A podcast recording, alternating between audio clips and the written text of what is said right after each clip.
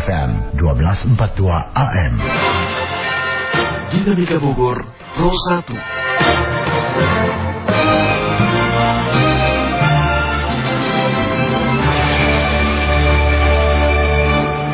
Selamat pagi dan salam jumpa di mana pun Anda bisa menangkap siaran kami di edisi hari ini. Saya Maulana Sarto kembali menyapa Anda untuk wilayah Bogor, Depok, Sukabumi, dan Cianjur. Dan tentu hari ini tadi seperti disampaikan kita akan akan berbincang mengenai penanganan virus corona. Karena memang informasi tentang virus corona menyebar ke mana-mana hampir semua media mengangkat soal ini. Baik yang memberitakan virus corona yang asal dari Tiongkok sampai beberapa antisipasi yang dilakukan agar virus corona kalaupun memang uh, belum masuk ke Indonesia untuk tidak masuk ke Indonesia. Tetapi kalaupun memang nanti ditemukan dilakukan tindakan preventif yang cepat. Tentu hal ini menjadikan kita aware beberapa negara misalnya sudah menerapkan uh, beberapa kebijakan yang cukup keras untuk penanganan virus corona. Misalnya uh, Singapura yang menerapkan agar orang-orang yang berasal dari Tiongkok untuk tidak boleh masuk ke Singapura terlebih dahulu. Di wilayah Asia Tenggara ada beberapa negara yang sudah memang terpapar. Misalnya ada Vietnam dan Singapura yang teridentifikasi. Ada sekitar 12 negara di dunia yang sudah teridentifikasi terpapar dari virus corona tersebut tapi hari ini kita akan coba lebih tahu mengenai apa sebenarnya virus corona dan bagaimana penyebaran serta antisipasinya. Nanti Anda bisa hubungi kami di line interaktif yang nanti saya akan sampaikan. Dan nanti Anda tentu bisa sampaikan juga di WhatsApp, nanti nomornya juga akan saya sampaikan untuk Anda. Saya akan kenalkan narasumber saya di pagi ini, tapi nanti saya akan kenalkan sebelum kita berbincang lebih jauh. Kita akan dengarkan dulu liputan khusus kami berikut ini.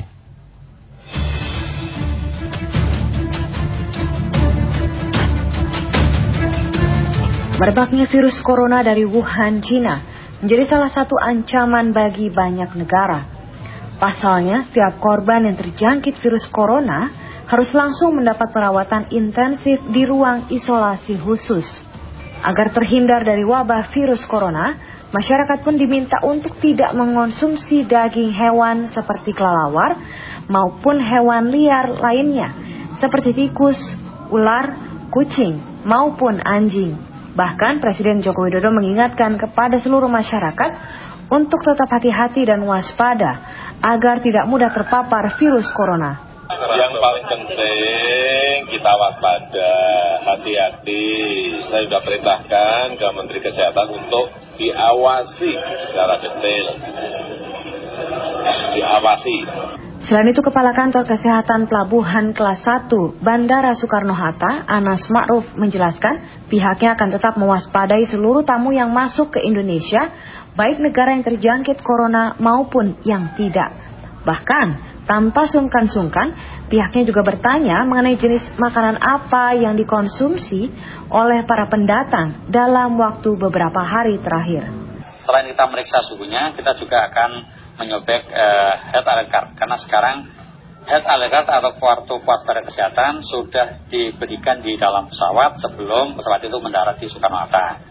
Kemudian eh, pramugari atau flight attendant sudah mengumumkan kepada para penumpang ya lewat announcement bahwa para penumpang diminta untuk mengisi health alert card selengkap mungkin.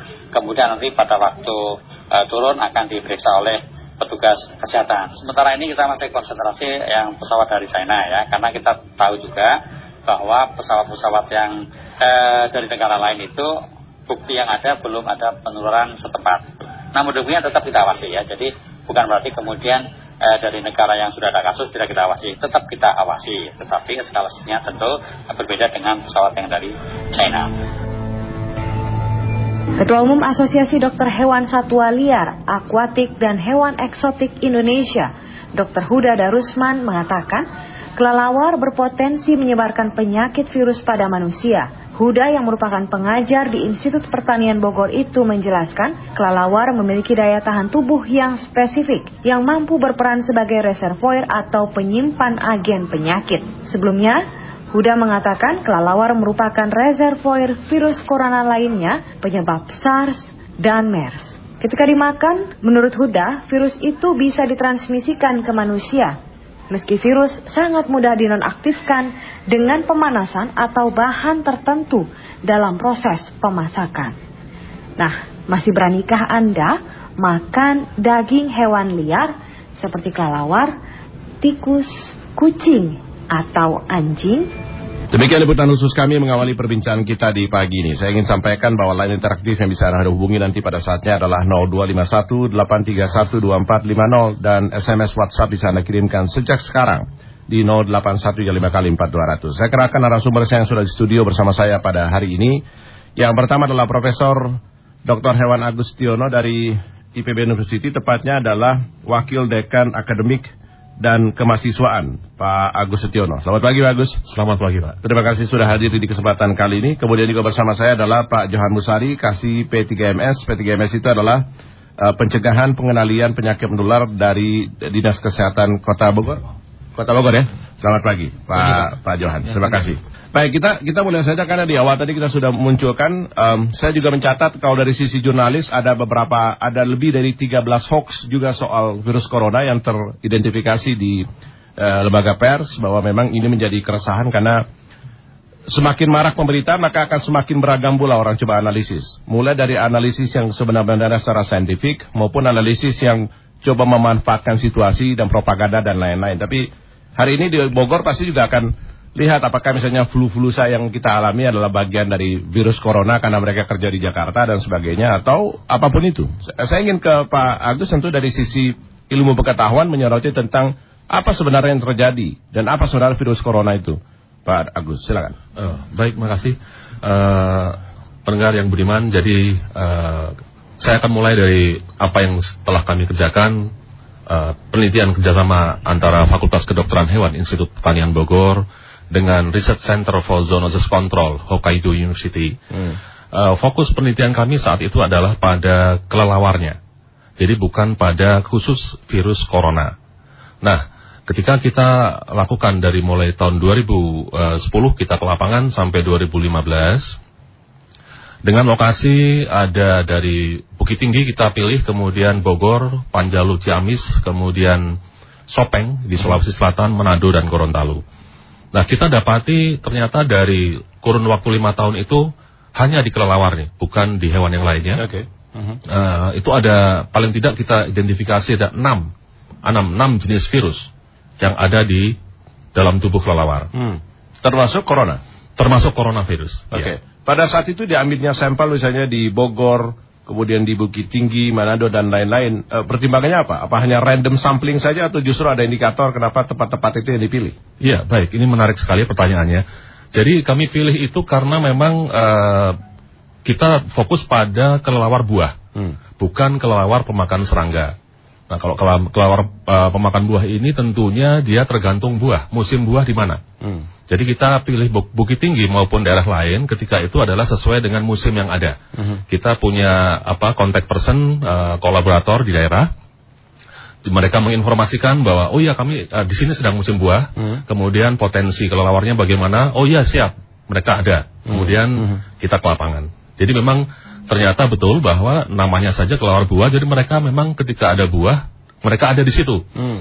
Ketika tidak ada musim buah, seperti kita pernah datang yang kedua atau ketiga ke Panjalu, benar-benar bersih itu tempat yang tadinya nggak ada kelelawar sama sekali sama sekali tidak ada oke okay, artinya memang mereka kelelawar musiman gitu ya musiman sesuai dengan ya? musim buah betul artinya habitat aslinya bukan di sana Habitat aslinya mungkin endemisnya di sana karena okay. buahnya banyak. Okay. Tapi ketika tidak musim dia akan pergi. Oke. Okay. Iya gitu. Tapi gini, uh, dalam penelitian yang disampaikan profesor dan tim tadi misalnya uh, apa yang ditemukan di kelelawar? Tadi ada beberapa jenis tapi artinya kalau saya boleh simpulkan bahwa corona bukan virus baru sebenarnya. Karena ditemukan uh, penelitian Anda sejak 2010 sampai 2015 Anda Betul. melakukan di lapangan gitu. Anda bisa cerita sebenarnya virus apa ini sebenarnya? Baik, uh, yang kami dapati dari paling tidak enam itu ya. Tentunya kami yakin uh, tidak hanya enam, lebih dari itu. Okay. Yang kita dapatkan adalah satu coronavirus, kemudian bufavirus, poliomavirus, alpha herpes virus, paramyxovirus, dan gamma herpes virus. Hmm. Dari keenam ini, satu coronavirus itu kita uh, trace back ke apa literatur -hmm. yang kita dapatkan adalah uh, bahwa coronavirus itu masih diklasifikasikan lagi. Hmm. Ada alpha coronavirus dan beta coronavirus. Hmm. Nah ini yang spesifik menginfeksi atau menimbulkan problem di manusia. Hmm. Kemudian ada juga delta uh, coronavirus dan gamma coronavirus. Yang ini spesifik dia menyebabkan problem di hewan. Oke. Dari enam virus yang kita identifikasi, termasuk corona tadi, ada di dalam tubuh kelelawar, tapi kelelawarnya sama sekali tidak ada persoalan. Jadi yang kita tangkap atau yang kita dapatkan sampel-sampel di lapangan Hmm. adalah kelelawar yang benar-benar sehat. Oh, Artinya ya? mereka ya, dia dia bukan kelelawar sakit, bukan. Oke. Jadi artinya kita bisa simpulkan atau tarik sedikit eh, bahwa ternyata di dalam tubuh kelelawar yang sehat itu mengandung berbagai patogen potensial. Mhm. Dalam hal ini kalau boleh kita katakan zoonosis. Oke. Karena memang dia berpotensi bisa menular ke manusia. Ah, Semua virus yang ada di tubuh kelelawar hampir bisa menular ke manusia. Hampir semuanya. Oke. Ya. Na- Nanti saya ingin saya ingin tahu lebih jauh soal tadi ada corona alpha dan dan lain-lain. Ya, Itu itu mungkin akan lebih menarik juga kita ingin soroti sebenarnya jenis corona apa. Tapi eh, kita juga ingin tahu Pak Johan, ketika muncul eh, virus corona dan eh, semua orang eh, dalam tanda kutip panik eh, punya kekhawatiran lebih juga soal apakah saya bisa terjangkit dan lain-lain. Em, apa yang sekarang mungkin bisa kita update ya di Dinas Kesehatan Kota Bogor mengenai eh, penyebaran virus corona? Karena so far belum ada laporan juga bahwa akan ada, tapi saya nggak tahu kalau proaktif mungkin saja kan gitu. Tapi Anda bisa sampaikan. Ya. Eh, menyangkut virus corona tadi ya. Eh, dari dinas kesehatan sudah berkoordinasi dengan Kemenkes dan provinsi dinas kesehatan ya. Yang saat ini mereka juga sedang mengadakan pertemuan-pertemuan aktif ya untuk pencegahan keseluruhan dini. Di mana kita juga di dinas kesehatan sudah menghimbau kepada rumah sakit dan puskesmas untuk waspadaan ini dengan cara sosialisasi kepada masyarakat Eh, dengan apa dengan pola hidup eh, bersih dan sehat Ya. seperti cuci tangan sebelum makan sudah makan kemudian juga jangan makan makanan yang potensi untuk bisa menularkan Ya. penyakit tersebut Tapi kan kita punya pengalaman tidak sekali kita punya pengalaman soal eh, eh, virus yang dalam tanda kutip dikatakan berbahaya. Kita punya MERS dulu, punya SARS eh, dan beberapa nama lainnya. Hari ini kita punya corona dan sebagainya. Em, eh, ap- apa menurut anda gitu ya dari beberapa virus tadi yang disampaikan, apakah memang virus corona menjadi jauh lebih apa menimbulkan kepanikan dibandingkan dengan virus-virus yang lain dari pantauan anda gitu ya? kalau di pandangan saya mungkin kalau tidak disosialisasikan bisa menimbulkan kepanikan tapi sejauh ini tingkat bahayanya itu lebih rendah daripada virus SARS dan MERS tadi Hmm. Lebih lebih apa sih lebih rendah maksudnya? lebih rendah bahayanya Bahaya lebih rendah dibanding SARS dan MERS gitu ya. Tapi yang sekarang dilakukan dinas kesehatan adalah mensosialisasikan oke. Tid- Tidak ada misalnya gerakan proaktif atau laporan masyarakat yang mencurigakan tentang ciri-ciri seseorang gitu ya yang Eh, sampai saat ini belum belum ya, belum, ya. Saya harapkan sih nggak ada sebenarnya, tapi kalaupun ada kan kita harus uh, antisipasi juga sebenarnya kan gitu ya. Saya ingin sampaikan lagi bahwa line interaktif kita di 02518312450 02518312450 dan Anda di uh, WhatsApp kita di 081 kali 4200. Uh, sebelum saya nanti ke Profesor kembali, kita nanti ingin tahu bahwa corona rupanya bukan hanya satu jenis, ada alpha dan lain-lain yang kita ingin tahu dan bagaimana sebarannya. Kita juga uh, terus memantau juga. Kita nanti akan coba cari kontak uh, orang Indonesia yang berada di Wuhan. Tadi sampai sejauh ini sejak malam saya coba kontak beliau tapi belum apa ada jawaban. Supaya kita tahu juga kondisinya karena saya lihat virus corona itu seperti sebuah film gitu, ya, Resident Evil gitu. Tapi apa iya memang begitu kan? Saya ingin tahu juga saudara. Nanti kita akan coba untuk uh, lebih jauh untuk uh, tahu mengenai hal itu dan tetap bersama kami di perbincangan pagi ini. Eh, dapat nih. dapat nih. Ah. Sendal jepit tuh Ki. Mancing sampai jeput. Udah dapat banyak atuh.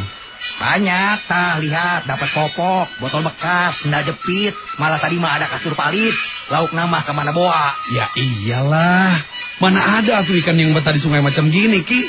Zaman kejayaan ikan mah udah lewat. Eh, bener-bener orang zaman sekarang mah ayah-ayah wae kelakuan anak. Sungai dijadiin tempat sampah, meni susah buang sampah ke tempatnya teh. Kalau sungai bersihkan, sedap dipandang mata, jauh juga dari bencana banjir. Kalau udah kayak gini, siapa yang salah tuh Ki? Yang salah mah tuh yang buang sampah, gak punya adab. Weh kena ajab. Waduh, ngeri amat sih Ki. Eh Ki Ki Ki, Ki. pancingan tah, tah, tah tarik deh kita. Kek, kek, kek, kek, kek. Ah, Sendal jepit deui aing mah. lumayan lagi jadi sapasang.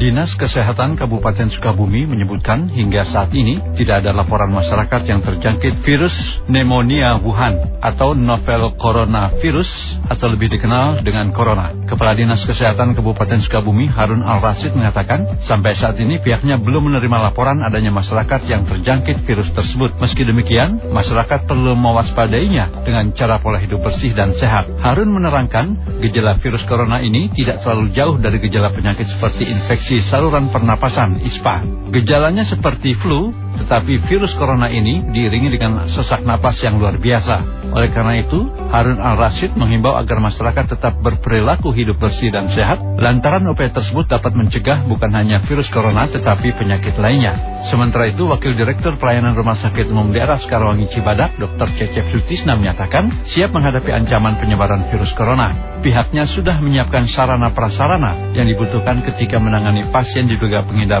virus tersebut. Di antaranya alat pelindung diri, ruangan IGD dan ruangan isolasi di gedung Fatmawati. Menurutnya, sampai saat ini baik rujukan maupun yang datang langsung ke rumah sakit belum terdapat pasien yang terjangkit virus mematikan tersebut.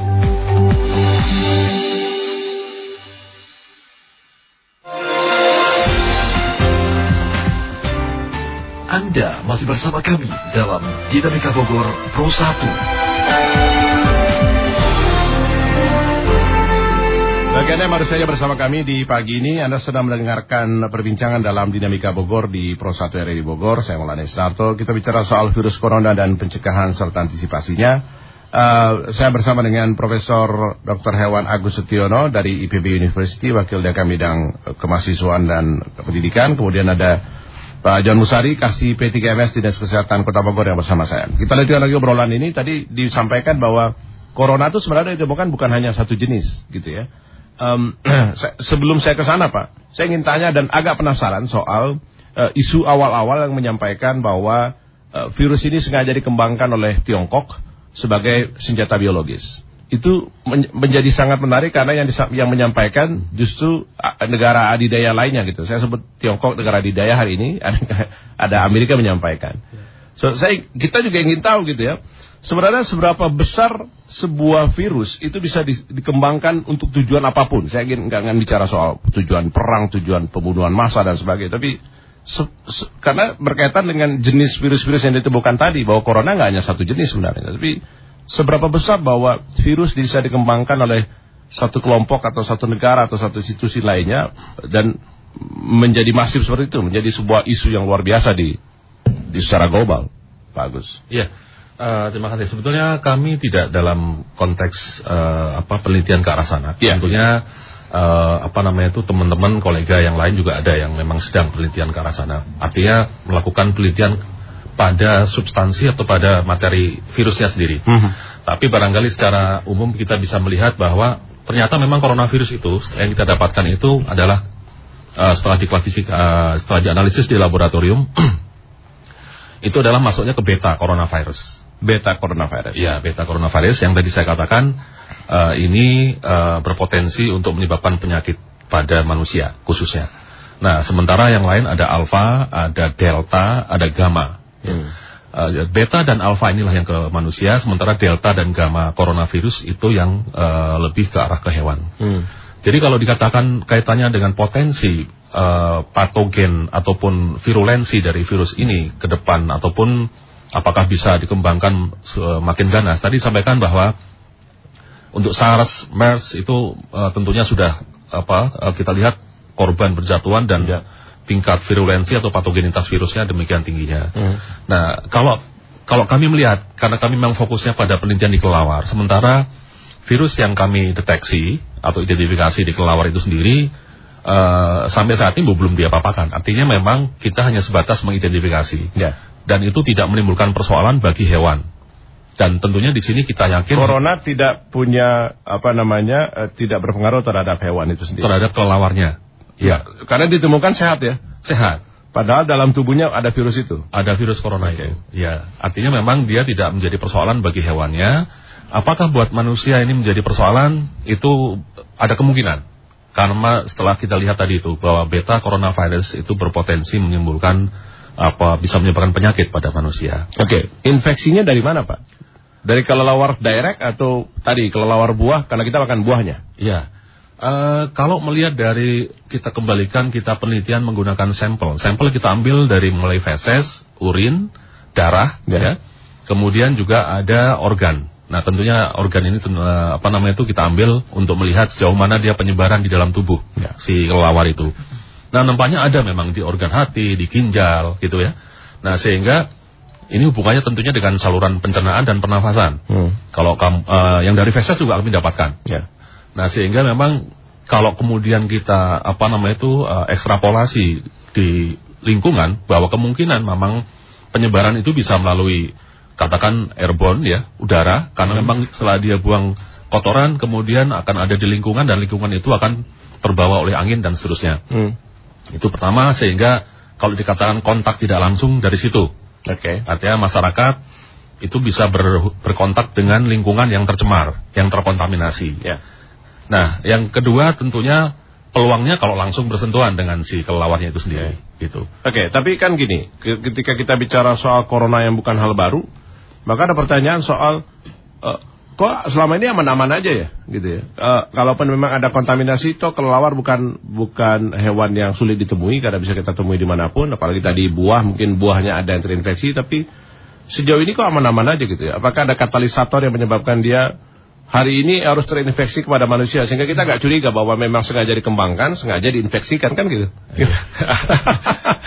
Ya mungkin tapi itu itu agak agak berbeda ya. Artinya agak jauh ber, ber, apa melihatnya kalau kami melihat peluang kemudian bahwa dia bisa menyebabkan problem, masalah di manusia, saya rasa tadi mekanisme yang naturalnya bahwa dia buang air, ya, ya, terbang, kemudian ada pohon di situ ada buah, dia buang air, kemudian makan juga nggak habis, di bawahnya kemudian ada manusia atau hewan lain. Oke. Okay. Nah ini berpotensi untuk bisa menular ke sana. Betul. Kemudian uh, apakah di hewannya atau di manusianya. Uh -huh.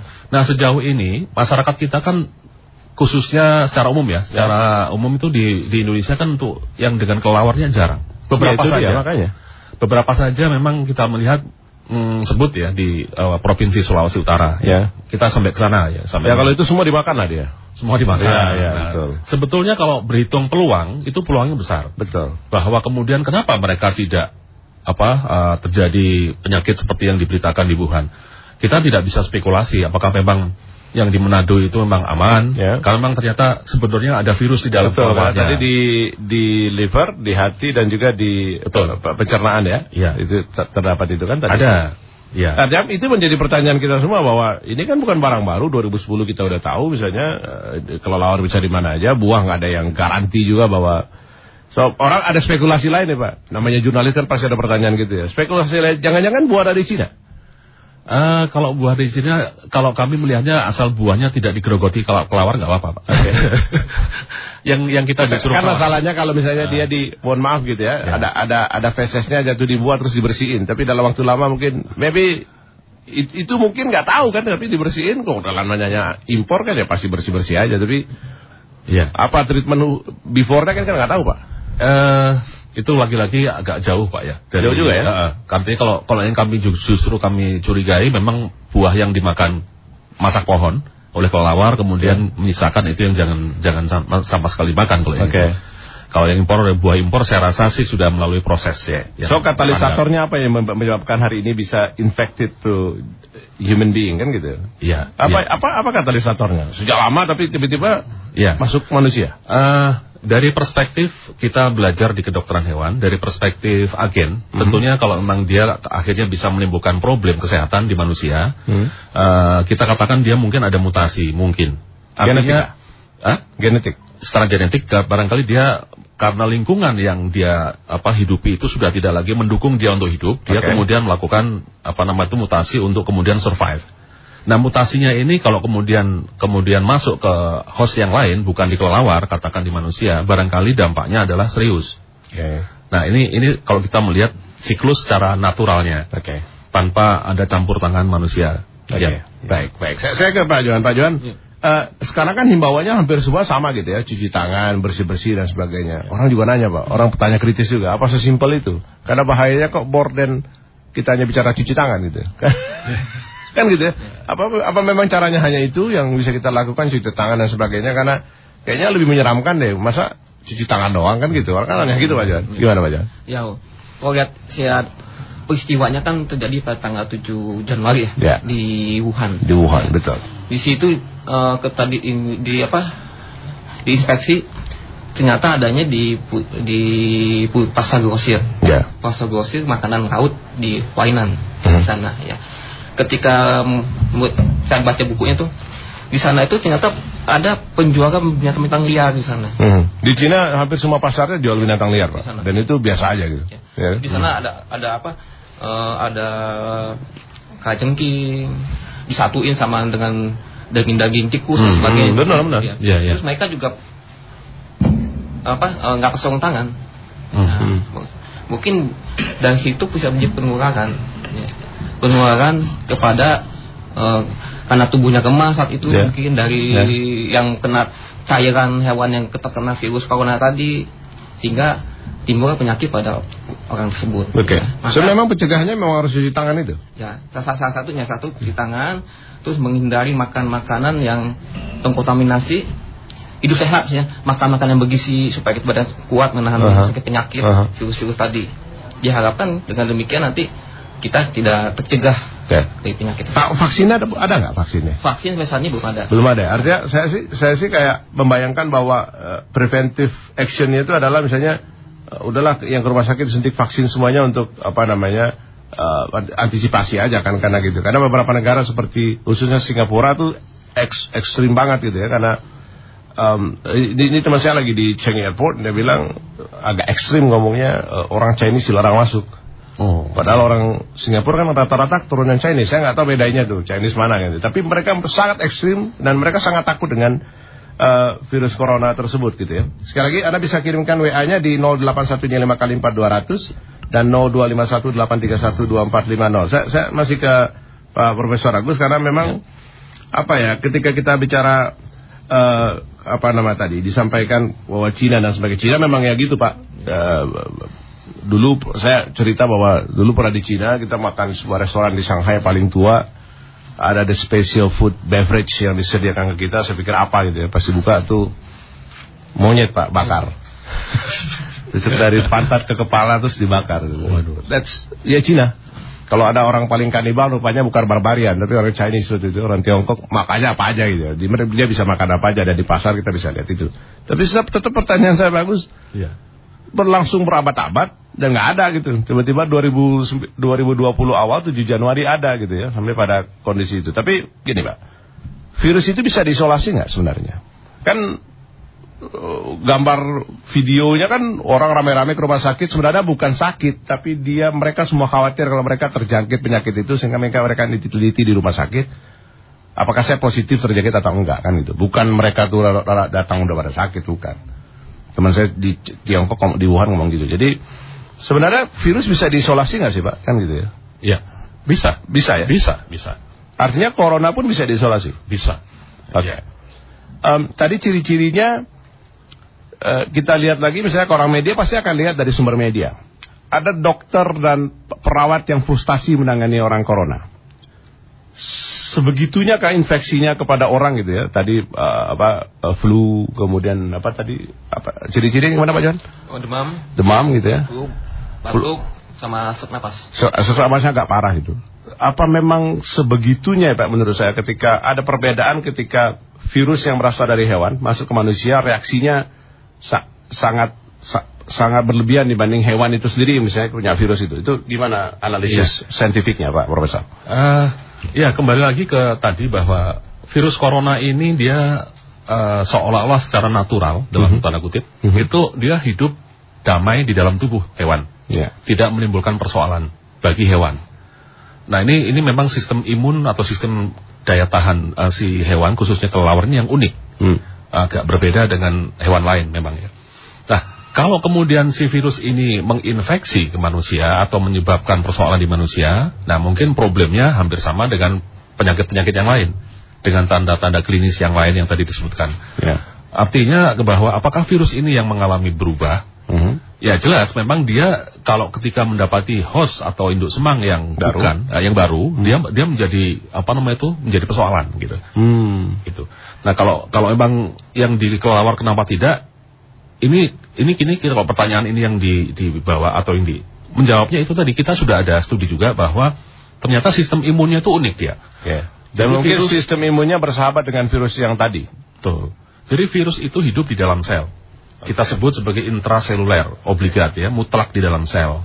Nah, dia sendiri uh, hidupnya di dalam sel yang yang mana salah satu selnya, salah satunya hmm. itu adalah sel pertahanan. Oke. Okay. Yang disebut uh, makrofag. Okay. Nah, padahal makrofag ini adalah untuk mengeliminasi atau menghancurkan uh-huh. agen asing. Hmm. Nah, ketika yang kemudian mau dihancurkan dia hidup di dalamnya, seolah tidak mengenali gitu. Hmm. Tidak mengenali dalam tanda kutip ada musuh di dalam tubuh itu. Hmm. Karena musuhnya ada di dalam.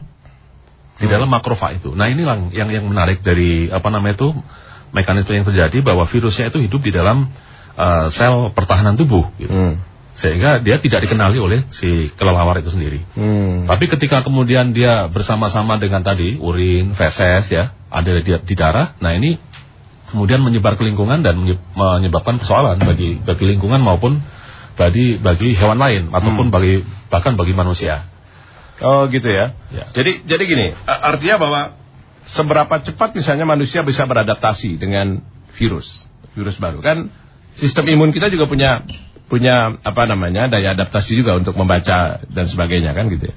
Tapi apakah memang ada beberapa batasan yang nggak bisa kita langgar misalnya soal ketika virus masuk kita memang nggak bisa adaptasi sehingga one day 10, 20, 50, 100 tahun virus itu masuk kita udah makhluk pada zaman itu udah secara genetik udah bisa melakukan transformasi iya. Eh, sistem imun Pak Profesor. Iya, kalau kalau melihat dari mekanisme infeksi ataupun kejadiannya barangkali uh, ini ranahnya dari teman-teman dari uh, kedokteran atau dari dokter bahwa uh, sebetulnya virus itu ketika mau ma atau masuk kemudian menyebabkan persoalan pada hewan atau pada induk semang ya. manusia misalnya uh, dia masuk itu tentunya akan lewat berbagai jalan. Okay. Salah satunya ambil contoh misalnya saluran pernafasan. Hmm.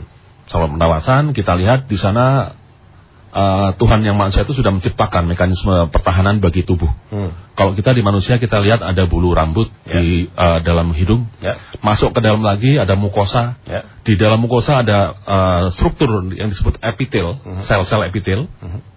Kemudian juga ada mekanisme mekanik lagi, ada mikrofili. Okay. Lalu ada juga mukus hmm. yang dihasilkan oleh sel-sel goblet. Yeah. Nah ini semua adalah satu perangkat yang cukup komplit untuk menghalau ketika agen asing masuk ke dalam tubuh. Hmm. Nah, ketika itu sudah tidak terjadi, dia tentunya setelah attachment masuk uh, nempel di dalam hmm. apa host kemudian akan masuk. Oh. Kalau tadi pertahanan itu tidak tidak cukup kuat. Ya. Oleh karena itu saran dari tadi dikatakan manusia apa tangan, tangan itu bersih makanan baik gitu ya.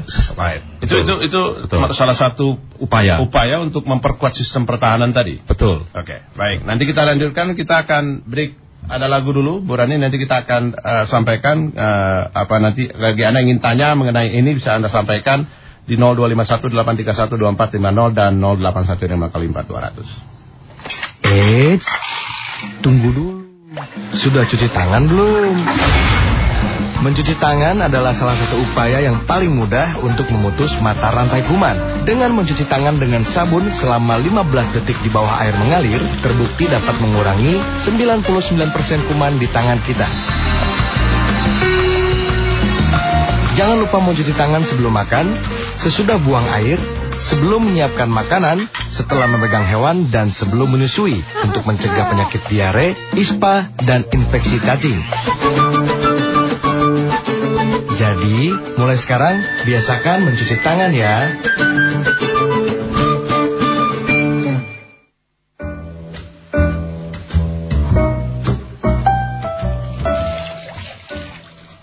Dian, rajin banget sih nyiramin tanaman siang-siang gini. Lagian kan tadi pagi juga udah hujan.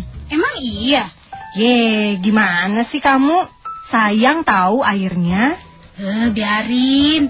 Biar subur. Ye, kamu nggak tahu ya? Kalau di negara maju itu bisa menghabiskan 250 liter air setiap hari. Sementara di negara berkembang, kebutuhan air per harinya 150 liter saja. Jauh banget kan bedanya? Kebayang dong, kalau misalnya air dibuang percuma, Nantinya kita susah untuk dapat air bersih untuk kehidupan sehari-hari. Iya juga ya, Cak. Gimana ya rasanya gak punya akses ke air bersih? Jangankan di negara maju, beberapa tempat di Indonesia seperti Pulau Jawa, Bali, dan Nusa Tenggara Timur mengalami defisit air bersih karena pengelolaan sumber daya airnya kurang maksimal dan diperparah dengan populasi yang terus meningkat. Oh gitu, Cak. Ya udah deh, kita hemat-hemat air ya, Cak ya. Iya dong, kalau tadi pagi udah hujan, ngapain harus disiram lagi? Iya, iya.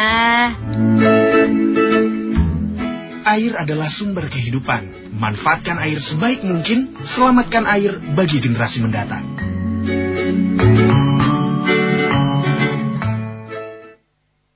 Ku pandang raut wajahmu Ada sesuatu mengganggu Nampak jelas bahwa kamu selalu menggerutu, menggerutu.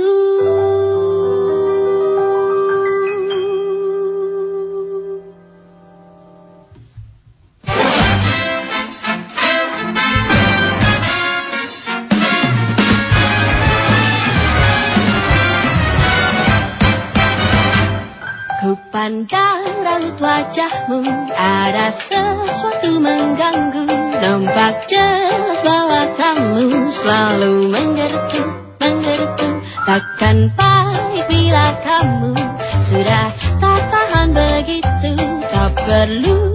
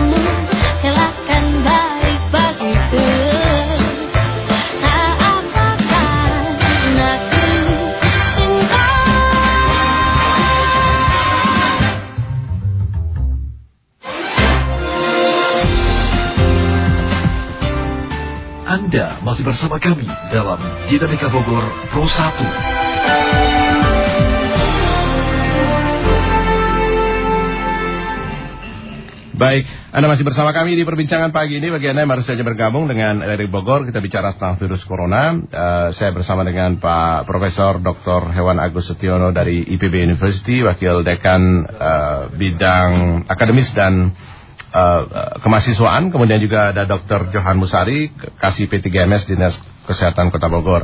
Bagi Anda ingin bersama kami, silakan Anda sampaikan di 0251-831-2450 dan juga Anda bisa sampaikan di 0815 kali 4200 uh, beberapa WA memang saya langsung bacakan dan saya langsung tanyakan tadi ke Pak uh, Profesor dan juga Pak Dokter uh, tadi sampaikan sekarang gini artinya apakah uh, secara strategi pemerintah itu ada batas waktu untuk menyatakan bahwa kondisi ini memang harus antisipasi dan lain-lain terhadap satu ancaman misalnya ancaman kesehatan hari ini adalah virus corona tadi kan gitu ya novel coronavirus tadi Apakah ada ada ada batas waktu bahwa uh, dalam jangka waktu ini kita sudah agak tenang, dalam ini kita masih harus waspada dan sebagainya. Itu gimana Pak John? Oh ya. Uh, itu dilihat dari kasus-kasus yang ada yeah. di Indonesia. Satu kasus aja yang ada mungkin bisa dikatakan kita siaga satu. Hmm. Tapi kalau misalnya nggak ada kasus kita masih tetap waspada. Hmm. Jadi, dilihat dari kasus-kasus yang ada Pak. Yeah. Kalau kasusnya ada baru kita siaga satu. Tapi bukan berarti kita membiarkan, tapi kita juga tetap uh, kewaspadaan tetap ada hmm. dengan cara menjalin hubungan dengan pus kita itu terutama di Kota Bogor dengan puskesmas, dengan rumah sakit dan pusat rujukan di ya. Jakarta. Karena kan sekarang juga musim flu pak, ya. kan gitu ya.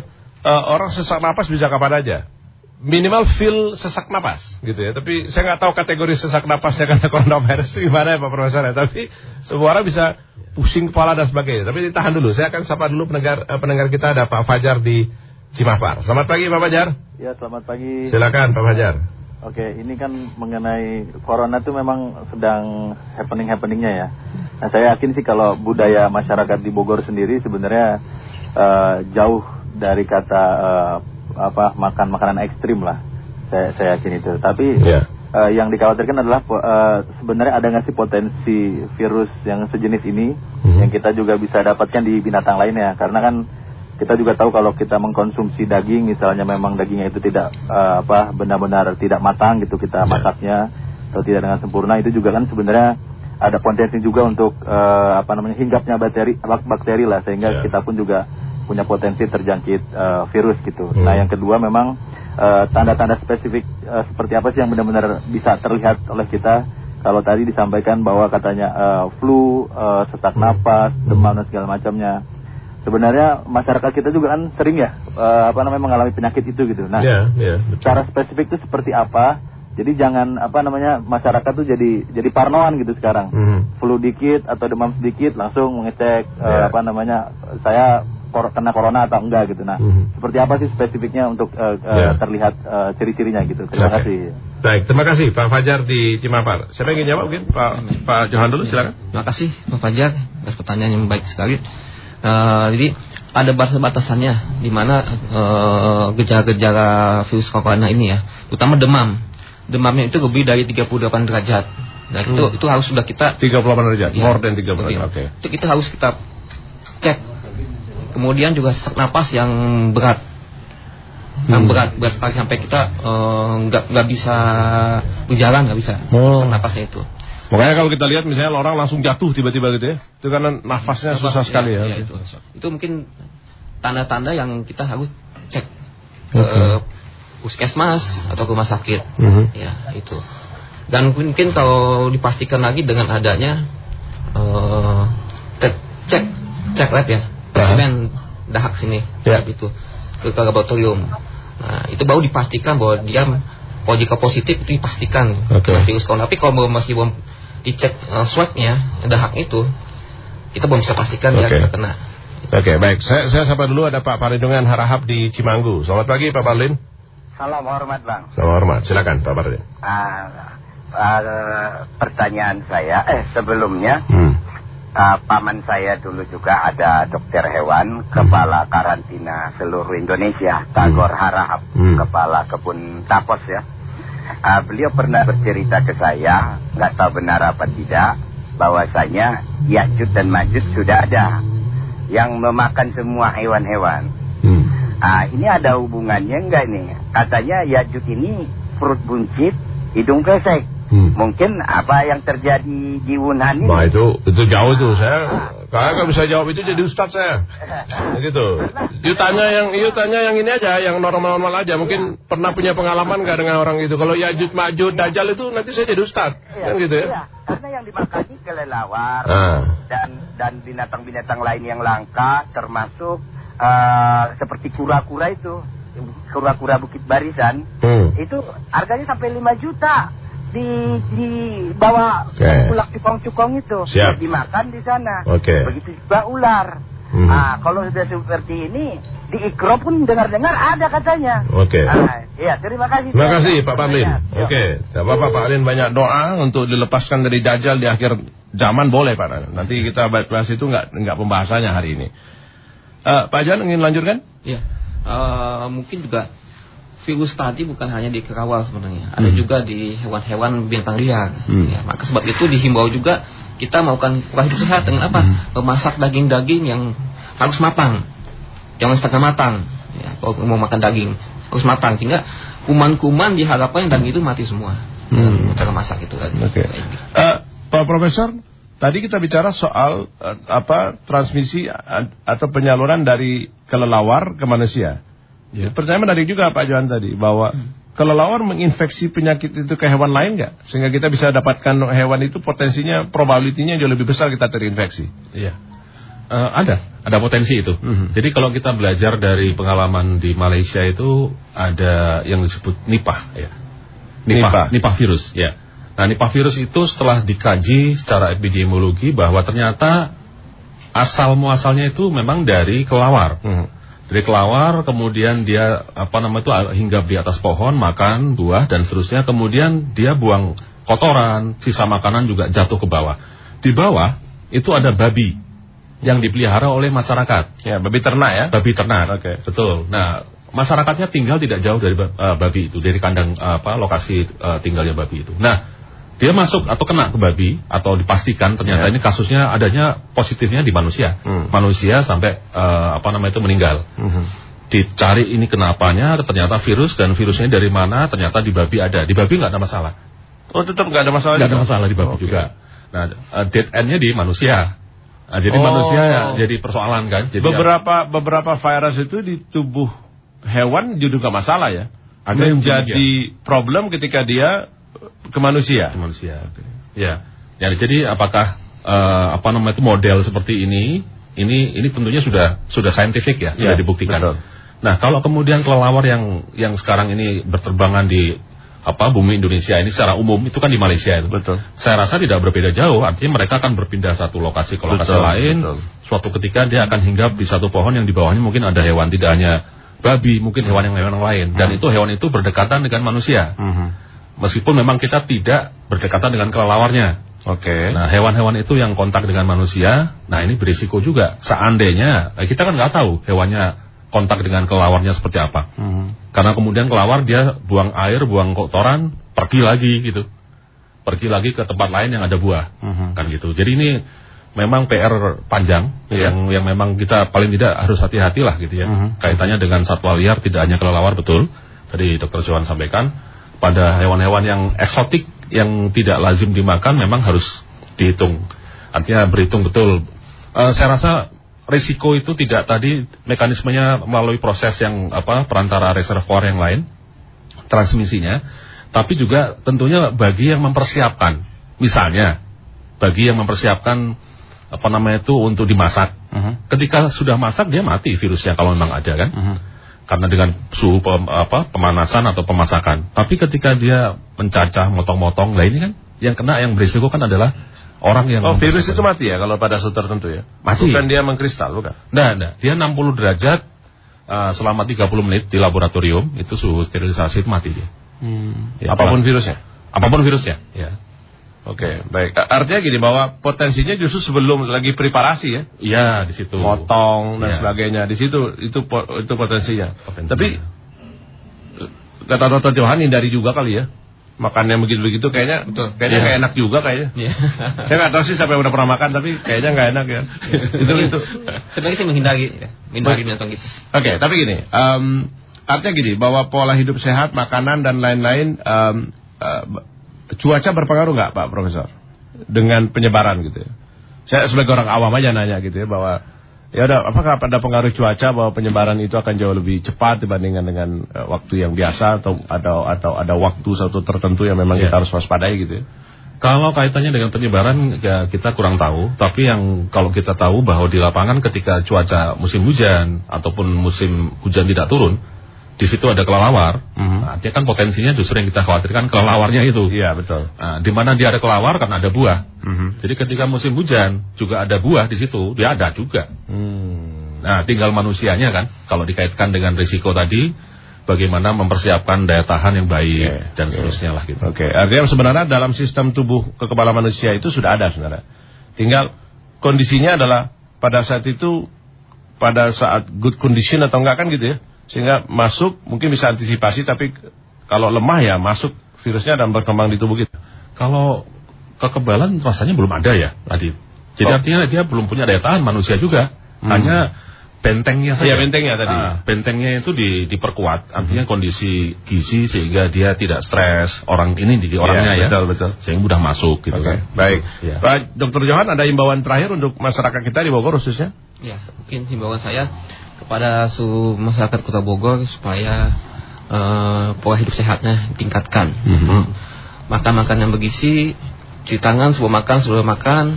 Ya, kemudian juga eh, jangan cepat panik.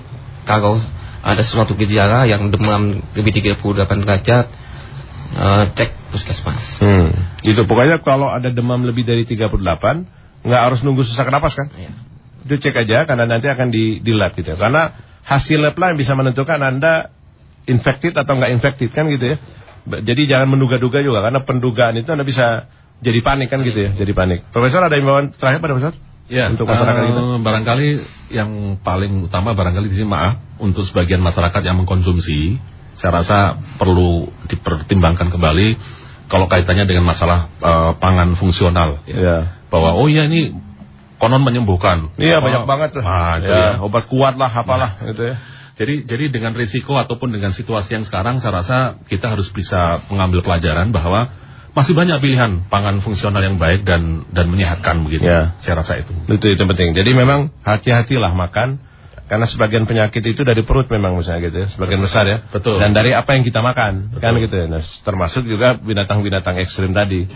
Kayaknya hindari deh, karena binatang liar bukan untuk dimakan tapi harus dilindungi sebenarnya karena mereka masuk dari endangered species yang memang harus kita lindungi bukan kita makan. Kalau kita makan ya Iya. itu peringatan juga kali ya. Iya. Bahwa tadi nggak cocok sebenarnya bahwa ada beberapa tadi kita baru tahu juga bahwa sebenarnya corona ada enam virus dalam kelelawar dan itu nothing biasa aja karena dia sehat.